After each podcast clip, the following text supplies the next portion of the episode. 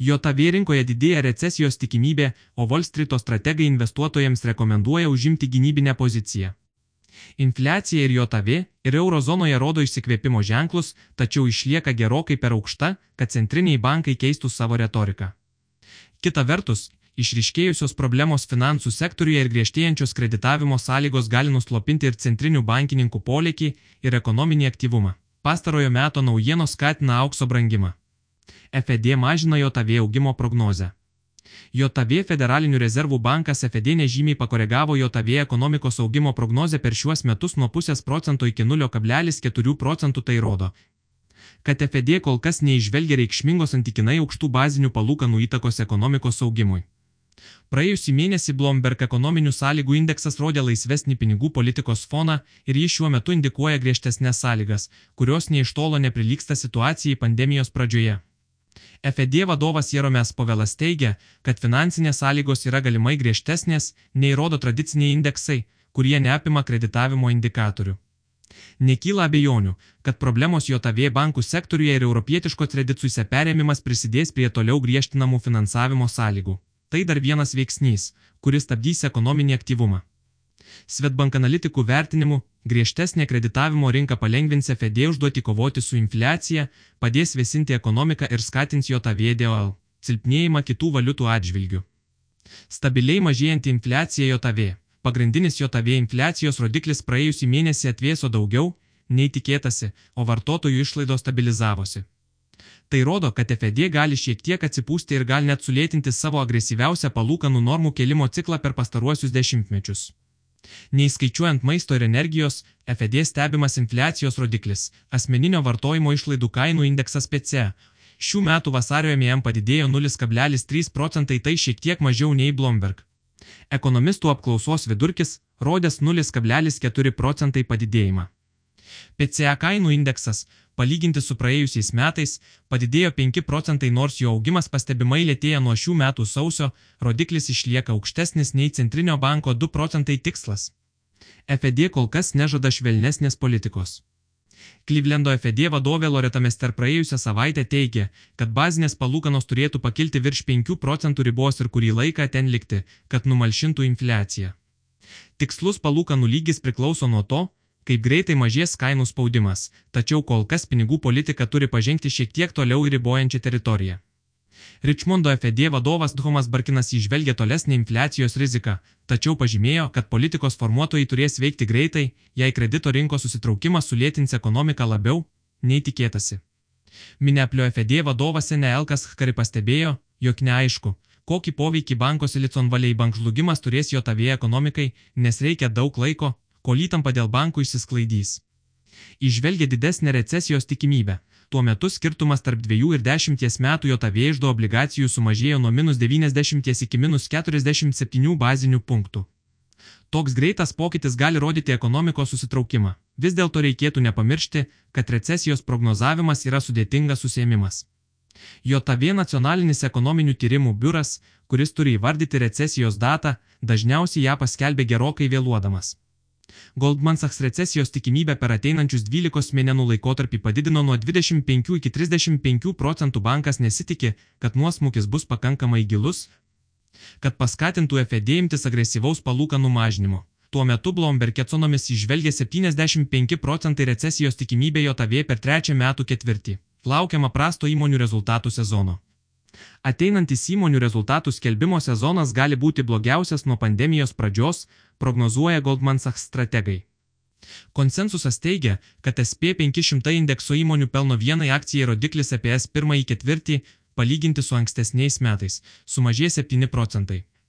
Jei tokia prognozija pasiteisins, tai bus SP 500 pajamų augimo žemumos. Daugeliu atveju sumažėjusios maržos nusvers nedidelio pardavimo augimo efektą. Tikimasi, kad tik trys sektoriai - energetikos, pramonės ir prabangos prekių - paskelbs apie išaugusias maržas. Wall Street'o strategai iš Morgan ir BOFA teigia, kad nuotaikos akcijų rinkose jau daugelį metų nebuvo tokios prastos ir kad akcijos išliks silpnėjančioje trajektorijoje per likusius metus. Investuotojams rekomenduojama išlaikyti gynybinės pozicijas, o situacija dabartinėje akcijų rinkoje primena ramybę prieš audrą. Kita vertus, vadinamasis pardavimo pusės indikatorius rodo, kad akcijų kainos yra priartėjusios prie pirkimo lygio. Šiam balandžio 7 diena rinkos duomenimis per dviejų savaičių laikotarpį dovionės pakilo 3,2 procentai, SP500 sesija baigė 3,2 procentai aukščiau.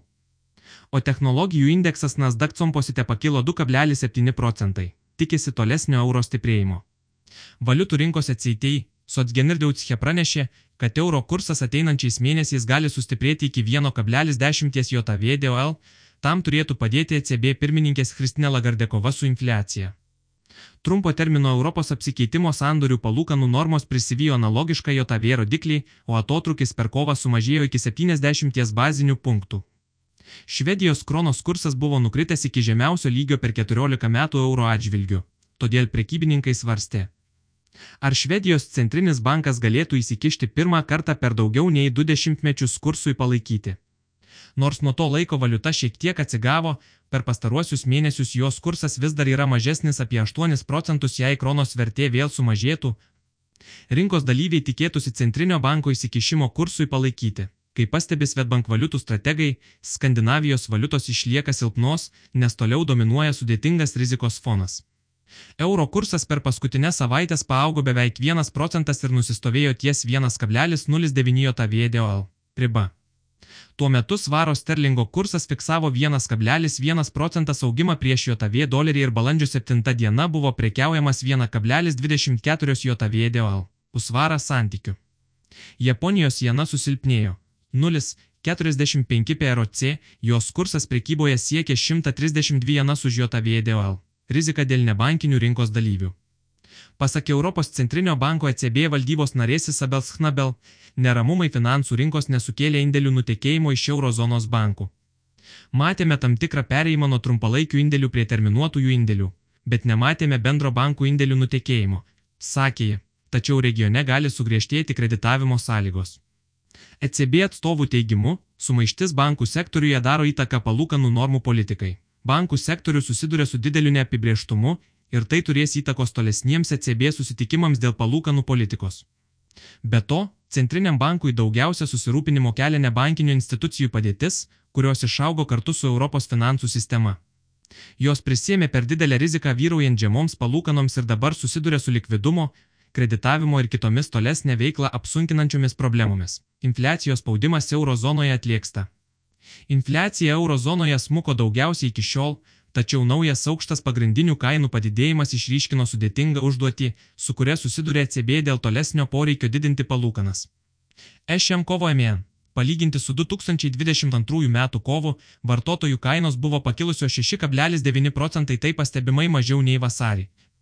Kuomet infliacija siekia 8,5 procentų ir šiek tiek mažiau, nei rodė Bloomberg ekonomistų apklausa, kurie tikėjosi 7,1 procentą infliacijos. Infliacijos sulėtėjimą lėmė staigus energijos sąnaudų sumažėjimas. Tačiau bazinė infliacija, neįskaitant maisto ir energijos kainų, paspartėjo iki 5,7 procentų, tai rodo, kad didžiausias visų laikų kainų šuolis eurozonoje dar toli gražu nesibaigė. Europos toks 600 akcijų indeksas balandžio 7 diena prekyba dviejų savaičių perspektyvoje baigė 3,2 procentai aukščiau. Vokietijos DX indeksas laikotarpį baigė paaugęs 3,1 procentas, Junktinės karalystės FTSE 100 indeksas paaugo apie 4,5 procentų, o Baltijos OMX Baltits Benchmark. Dviejų savaičių prekyba baigė 1 procentas aukščiau, Kinijoje įsibėgėja ekonomikos atsigavimas.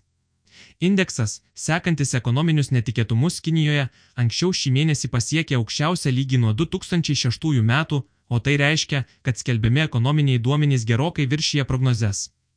Kinijos ekonomikos atsigavimas įsibėgėjo, nes oficialus paslaugų rodiklis PMI pakilo iki 58,2 punkto ribos, nors tikėtasi nuosaikesnio kilimo.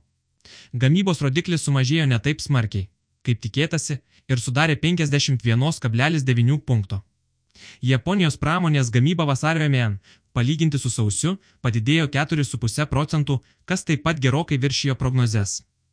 Japonijos nedarbo lygis vasario mėjem pakilo nuo 2,4 procentų iki 2,6 procentų, o darbo vietų ir kandidatų santykis sumažėjo iki 1,34. Kai buvo prognozuotas padidėjimas, Tokijoje infliacija, neįskaitant šviežio maisto, šį mėnesį sulėtėjo iki 3,2 procentų. Japonijos Nikkei dviejų savaičių laikotarpį paaugo 0,1 procentas, o Kinijos BLE HIPS CSI 300 paaugo 2,7 procentai, Hongkongo HNG SNG per laikotarpį paaugo beveik 4 procentai. Palankios aplinkybės brangti auksui. Naftos kaina šoktelėjo po netikėto APC sprendimo mažinti naftos išgavimą daugiau nei 1 milijonas barelių per dieną, kas gali sukelti naują impulsą infliacijai pasaulio ekonomikoje. Brent naftos sandoriai dviejų savaičių perspektyvoje buvo prekiaujami 9,5 procentų aukštesnėme lygyje ir balandžio 6 diena siekė 85 JVDOL už barelį. JVWTI naftos kaina taip pat paaugo 10,8 procentai iki 80 JVDOL. Goldman Sachs padidino savo metų pabaigos Brent naftos prognozę nuo 90 JVDOL iki 95 JVDOL. Viskas veikia aukso naudai bankų neapibrieštumas, mažėjančių palūkanų normų tikimybė, aukšta infliacija, spaudimas doleriui, auganti paklausa Azijoje ir techninis pagreitis.